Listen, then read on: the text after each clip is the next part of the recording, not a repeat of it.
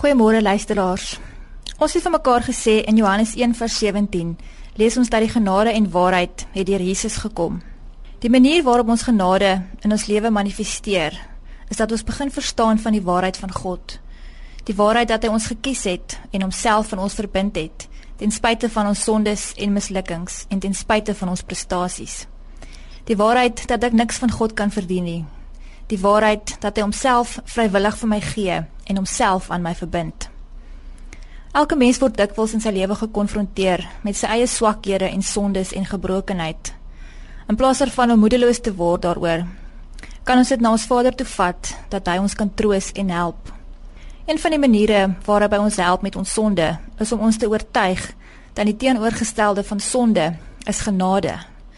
Net so is die liefde die teenoorgestelde van vrees. Ons lees dit in 1 Johannes 4 vers 8 wat sê God is liefde. Die meeste van ons loop dikwels met skuldgevoelens oor sonde of met vrees. Ons is bang vir God oor ons sonde.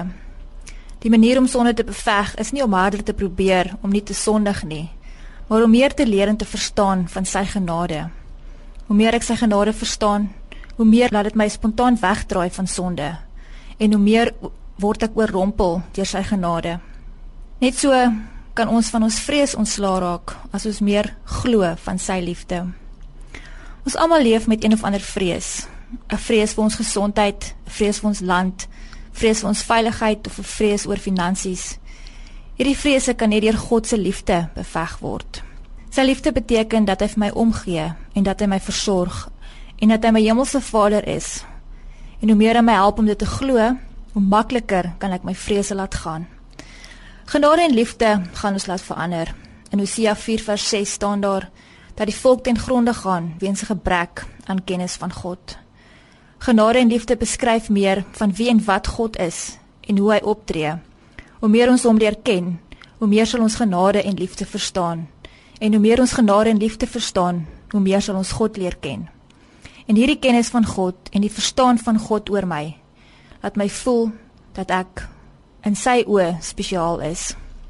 In Handelinge 20 vers 32 en Romeine 5 leer ons hoe God se genade ons by volwassenheid en seën kry. Nie gehoorsaamheid of heiligheid of verdienste nie. Genade alleen kry ons by volwassenheid en laat God se seën sigbaar word in ons lewe. Selfs die slegte goed wat oor ons kom en die sonde wat ons doen, gebruik hy as die begin van 'n nuwe groeifase in ons lewe sodat ons meer van hom en sy genade kan ontdek. Hierdie ontdekking laat ons verander en soos nuwe mense optree. Hemelse Vader, dankie vir 'n nuwe dag en dankie dat ons kan weet u genade is vir ons genoeg. Openbaar asseblief vandag opnuut u grootheid en u goedheid aan ons in Jesus se naam. Amen.